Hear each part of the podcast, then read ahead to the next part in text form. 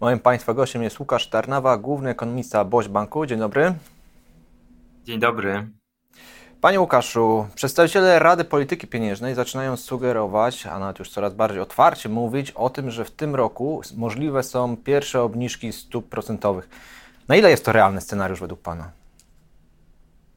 Moim zdaniem to nie, y, to nie jest bazowy scenariusz, przynajmniej w y, y, scenariuszu inflacyjnym, który ja przewiduję. Oczywiście wiemy, że skład Rady Polityki Pieniężnej jest generalnie gołębi, to znaczy mamy przewagę członków Rady, którzy mają spore przeważenie w kierunku wspierania aktywności gospodarki, w kierunku ochrony rynku pracy, a nie są tak jastrzębi w aspekcie zbijania inflacji za wszelką cenę. W związku z tym musimy to mieć cały czas y, gdzieś z tyłu głowy, że Rada jest gołębia.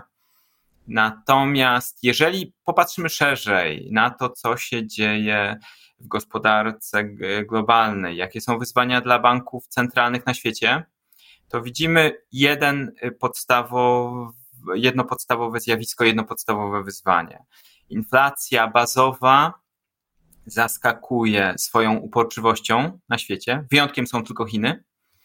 Natomiast banki centralne y, widzą koniec cyklu, ale wciąż y, ta perspektywa y, się oddala, choćby pokazały to nam posiedzenia Fedu i Europejskiego Banku Centralnego w minionym tygodniu, czyli wyzwania związane ze zwalczeniem, trwałym zwalczeniem inflacji, w tym pozostającej na wysokim poziomie inflacji bazowej, są aktualne i to najprawdopodobniej będzie dotyczy i będzie dotyczyło także gospodarki polskiej. W związku z tym, moim zdaniem, nie będzie przestrzeni do obniżki stóp procentowych już pod koniec tego roku. Niemniej, gołębi członkowie Rady faktycznie sygnalizują taką możliwość.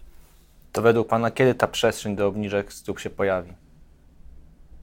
My zakładamy, że e, najwcześniej e, obniżki stóp procentowych, pierwsza obniżka stóp procentowych nastąpi w marcu przyszłego roku. Ale tutaj także są wyzwania, bo, bo tak jak powiedziałem, świat wszedł e, w, w, w nieznane terytoria. Po pierwsze, z jednej strony szok inflacyjny, który za nami, jeśli chodzi o, o szok e, surowcowy, wyzwolił zjawiska wtórne, to znaczy żądania płacowe, i one są powszechne w Europie, dostosowanie cen finalnych do, e, do wysokich cen surowców.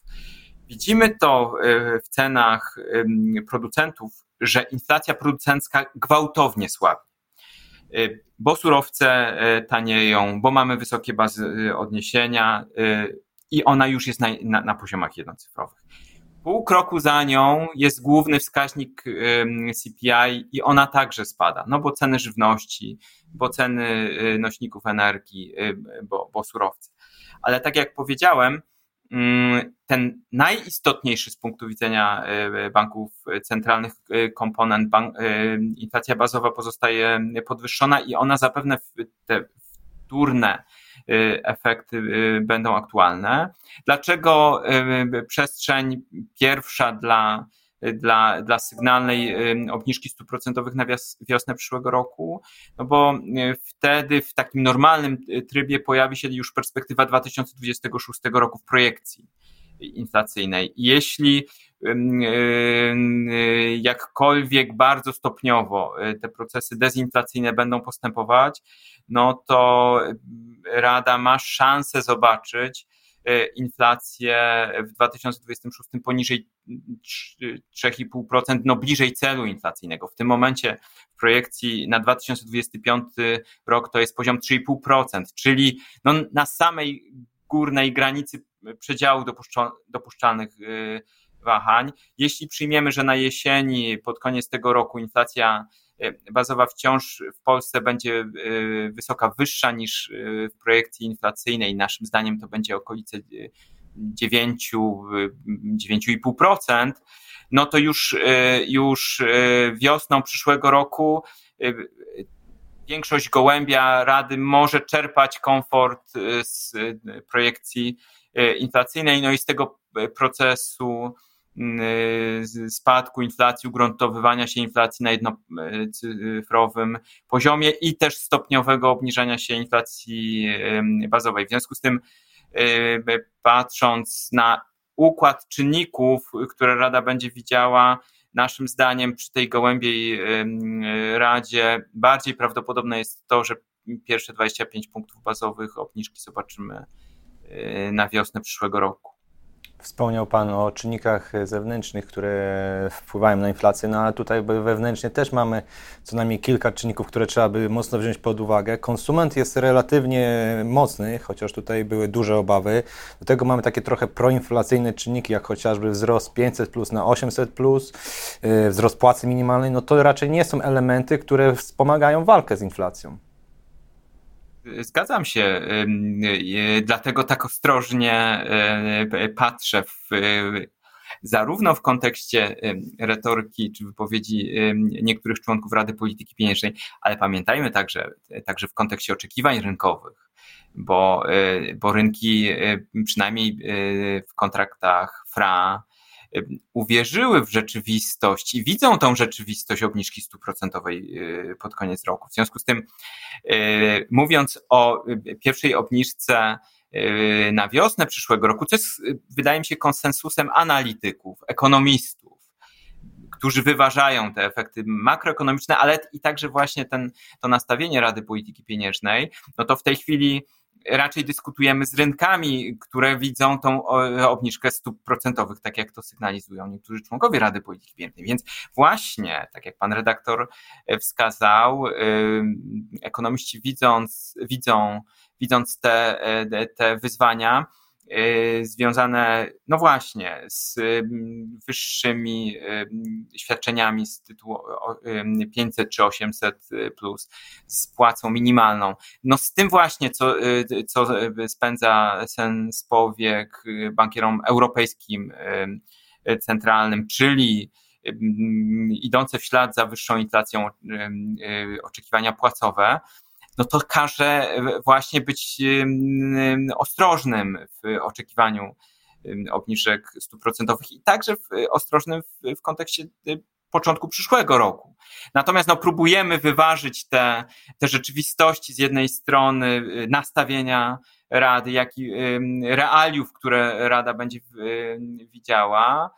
I mówimy my, ekonomiści, jak najprawdopodobniej będzie, biorąc pod uwagę to, co słyszymy, może e, nie e, jak, e, jak powinno być. Natomiast no, pamiętajmy jeszcze, z, z jednej strony to, co my bardzo na co zwracamy uwagę i, i co wybrzmiewa także w, przekazie banków centralnych czy Europejskiego Banku Centralnego to jest właśnie inflacja bazowa, ale wiemy i wiemy z poprzednich epizodów luzowania polityki monetarnej czy też zacieśniania, że, że ten komfort czy dyskomfort banku centralnego wynika w dużej mierze z tego, jaka jest inflacja główna, czyli CPI.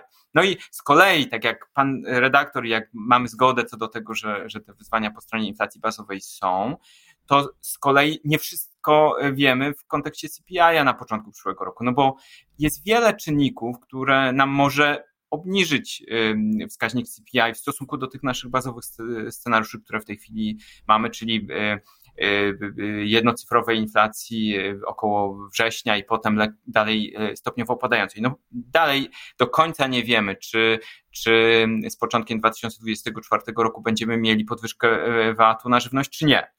To, to jest y, y, pierwszy czynnik, który zmieniać będzie nam y, wskaźnik główny. Jest cała kwestia taryf energetycznych, bo wiemy, że w tej chwili są one zamrożone dla gospodarstw domowych, ale to, co widzimy na rynku, czyli ceny energii elektrycznej w, kontraktach forward na przyszły rok, to jest okolice 600-650 złotych za megawattogodzinę. To jest powyżej tego, co, y, co mamy w tej chwili zamrożone w cenach dla gospodarstw domowych. Czyli wypadałoby te, te taryfy podwyższyć. W związku z tym tu jest kilka czynników, które będą wpływały na, na wskaźnik główny CPI, który mo, mo, może go ściągnąć w dół, jak i podwyższyć w stosunku do, do bazowych prognoz, a to wszystko zapewne będzie także wpływało na, na decyzję Rady Polityki Pieniężnej. W związku z tym przy tej całym, całym szerokim wachlarzu różnych scenariuszy no, wydaje się nam w oparciu o to, co, co przyjmujemy w scenariuszu bazowym, że, że tak pewniej i delikatnie będzie można myśleć o obniżce na początku przyszło, na, na wiosnę przyszłego roku nie ujmując i nie negując tego, że, że tu wyzwania choćby po stronie inflacji bazowej wciąż pozostaną ze względu na te czynniki, o których mówiliśmy. Tutaj zgoda. Mhm. Wspomniał Pan natomiast też, że rynek y, zaczął wyceniać y, pierwszą obniżkę właśnie w tym roku. To kłóci się trochę też z zachowaniem złotego, bo teoretycznie taka informacja powinna być negatywna dla naszej waluty, natomiast na, nasza waluta jakby sobie nic z tego nie robi. W ostatnich y, tygodniach, nawet już miesiącach zachowuje się naprawdę bardzo mocno. Skąd ta siła właśnie złotego? No właśnie, tutaj jest zagadka e, nierozwiązana e, póki co, no bo pamiętamy jesień ubiegłego roku i katastroficzne wręcz oczekiwania, może katastroficzne to przesada, ale, ale generalnie wyda, retoryka czy nastawienie no było tak takie, że właściwie wszystko działa na niekorzyść y, złotego. KPO nie, nie przepchnięte, y, wyrok CUE za chwilę i tak dalej, i tak dalej. No i złoty nie reagował w ogóle na przykład na to, że że ryzyko kryzysu y, energetycznego w strefie euro w Europie znacząco opadło, został na poziomach awersji do ryzyka mocno podwyższonych. No i no i teraz e, przyzwyczailiśmy się trochę do tego słabego złotego, no i jak to na rynku walutowym, e, wtedy kiedy już wszyscy skorygowali prognozy w oparciu o punkt wyjściowy, no to złoty teraz jest mocny i wszyscy się zastanawiają, jak to jest możliwe, że wiele się nie zmieniło, a tak naprawdę doszły, dochodzą czynniki, no bo dalej KPO nie mamy, bo mamy wyrok CUE, a złoty sobie jest no, mocny. W związku z tym E, e, ci, którzy, e, no choćby dealerzy na rynku komentują, rozmawiamy z nimi, oni mówią, że też mają zagadkę flowów, przepływów jakichś istotnych nie ma. Jakbym miał odpowiedzieć tak najmądrzej jak potrafię, no to powiedziałbym pewnie rynek przeoczył ten moment, w którym się okazało, że że te najgorsze czarne chmury nad Europą i także nad europejskimi rynkami wschodzącymi czy prawie dojrzałymi y, opadły. Uwierzył w to, że deficyt na rachunku obrotów bieżących to nie był tak bardzo strukturalny, jak to się y, obawiał rynek, tylko jednak ceny miały y, znaczenie surowców w tym wypadku i to się w tej chwili odwraca. Y, przesadził y, trochę z, z, tym pesymizmem w odniesieniu do złotego. No i mamy jeszcze y, sprzyjające warunki na globalnym rynku, nastawienie do ryzyka, no i, i złoty zyskuje. Czy, czy może zyskać więcej w stosunku do tego poziomu? Mam wątpliwości. Wydaje mi się, że to są okolice kresu. Natomiast, natomiast no generalnie wpływ Y, polityki monetarnej y, krajowej, jakkolwiek książkowy jest i, i powinien być, no, no to w, w przypadku złotego, no, moim zdaniem najistotniejszy jest ten efekt y, globalnego nastawienia do ryzyka, apetytu na, na ryzyko i w tej chwili on, on dominuje w przypadku złotego. Nastawienie w polityce monetarnej wydaje się być no, takim niuansem w tej chwili dla kursu. Tutaj stawiamy kropkę. Łukasz Tarnawa, główny ekonomista Boś Banku, był moim Państwa gościem. Panie Łukaszu, bardzo dziękuję za poświęcony czas. Dziękuję bardzo.